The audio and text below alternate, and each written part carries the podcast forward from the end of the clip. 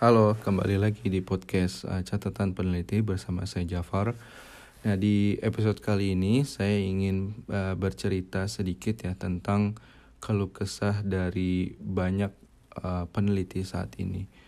Yang mana salah satu keluh kesahnya itu adalah banyaknya volume publikasi ya di dunia ini ya, yang mana semakin lama itu semakin meningkat, tetapi secara kualitas yaitu mungkin uh, sama aja atau mungkin bahkan uh, cenderung menurun atau kurang uh, disruptif ya.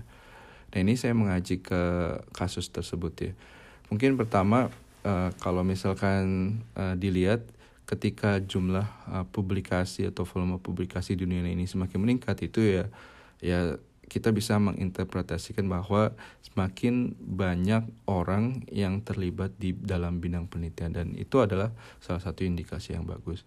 Mungkin uh, salah satu indikasinya itu adalah bagaimana negara-negara berkembang ini juga mulai ikut serta dalam mempublikasikan uh, karyanya atau hasil penelitiannya. Itu terutama terutama dari China, dari uh, Indonesia atau dari negara berkembang lainnya. Dan itu sebenarnya merupakan suatu hal yang bagus ya.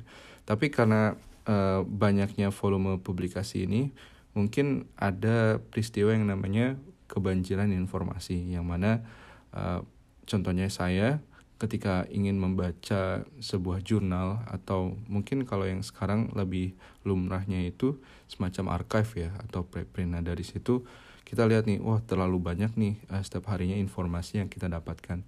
Yang mana dari informasi tersebut kita harus memilih uh, artikel-artikel uh, mana saja yang ingin kita baca. Karena kalau kita baca semuanya ya kita akan habis gitu waktu kita.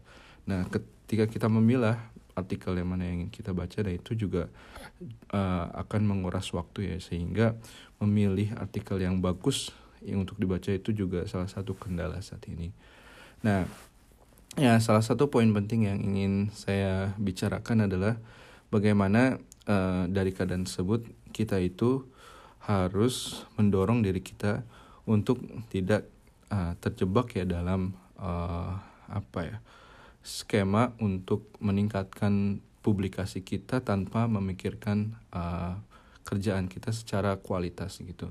Jadi misalkan uh, apa ya kita sebagai misalkan peneliti nih oh ini uh, untuk uh, kerjaan kita untuk evaluasi di uh, karir kita ke depan saya ingin uh, mempublikasikan artikel sebanyak-banyaknya nah ini sebenarnya praktek yang uh, sangat kurang bagus ya. Mungkin ada juga praktek yang namanya itu uh, salami publication gitu.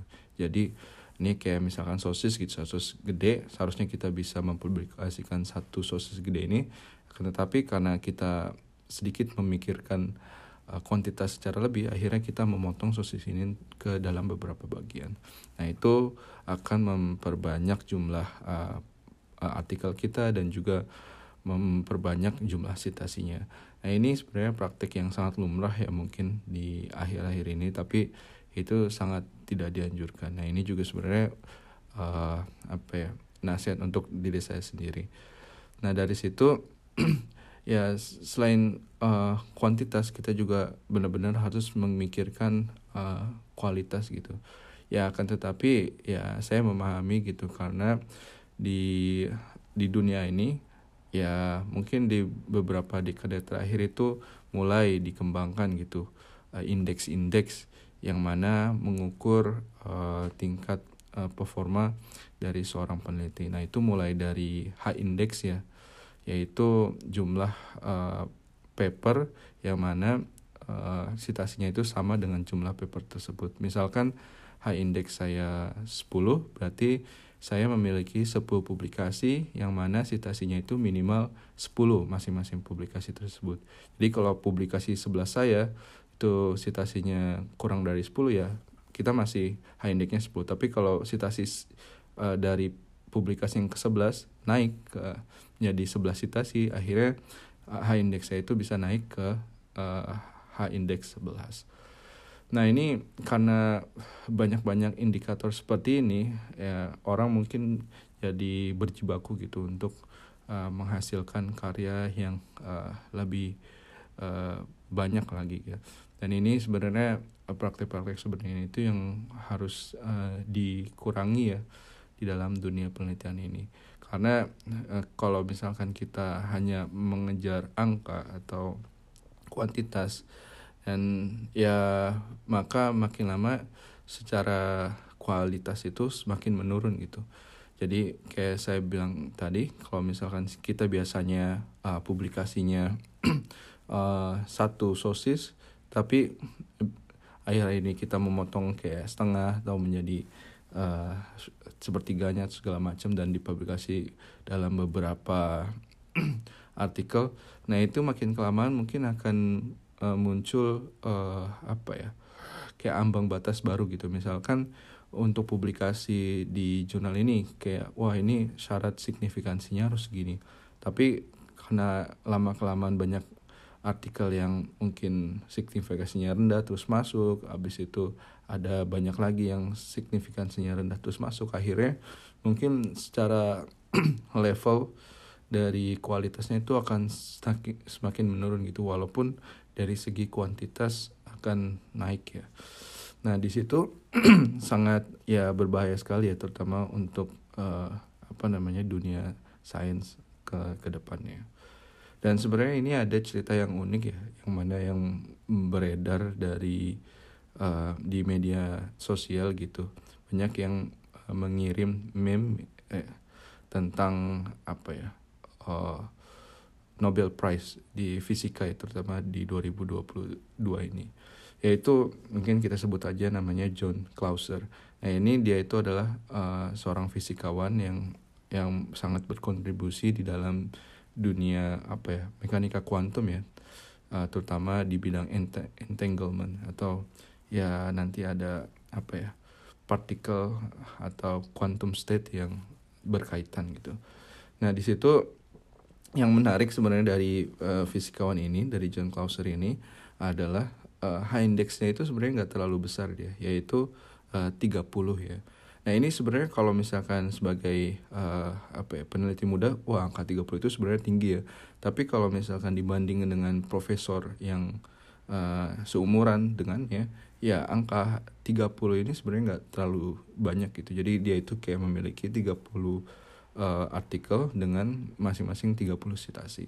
Nah, itu sangat uh, biasa aja gitu, tapi uh, walaupun memiliki high index yang biasa-biasa aja, tetapi uh, dia bisa mendapatkan uh, Nobel Prize gitu di bidang fisika 2022 tersebut. Nah, ini sebenarnya salah satu cerita yang suka beredar ya di media sosial dan mungkin menjadi ya catatan khusus ya termasuk buat saya pribadi gitu. Jadi untuk tidak uh, terjebak di dalam H index gitu dalam angka-angka atau indeks-indeks tentang uh, peneliti ataupun tentang jurnal tapi kita lebih fokus dengan uh, kualitas gitu. Nah ini yang sangat menarik ini dari uh, publikasi dari John Clauser ini. Ya walaupun tadi H indeksnya itu hanya 30 ya tapi kalau misalkan dilihat uh, artikelnya gitu. Di misalkan di Google Scholar itu beberapa artikel pertama itu misalkan empat artikel pertama itu itu memiliki stasi itu lebih dari uh, seribu gitu.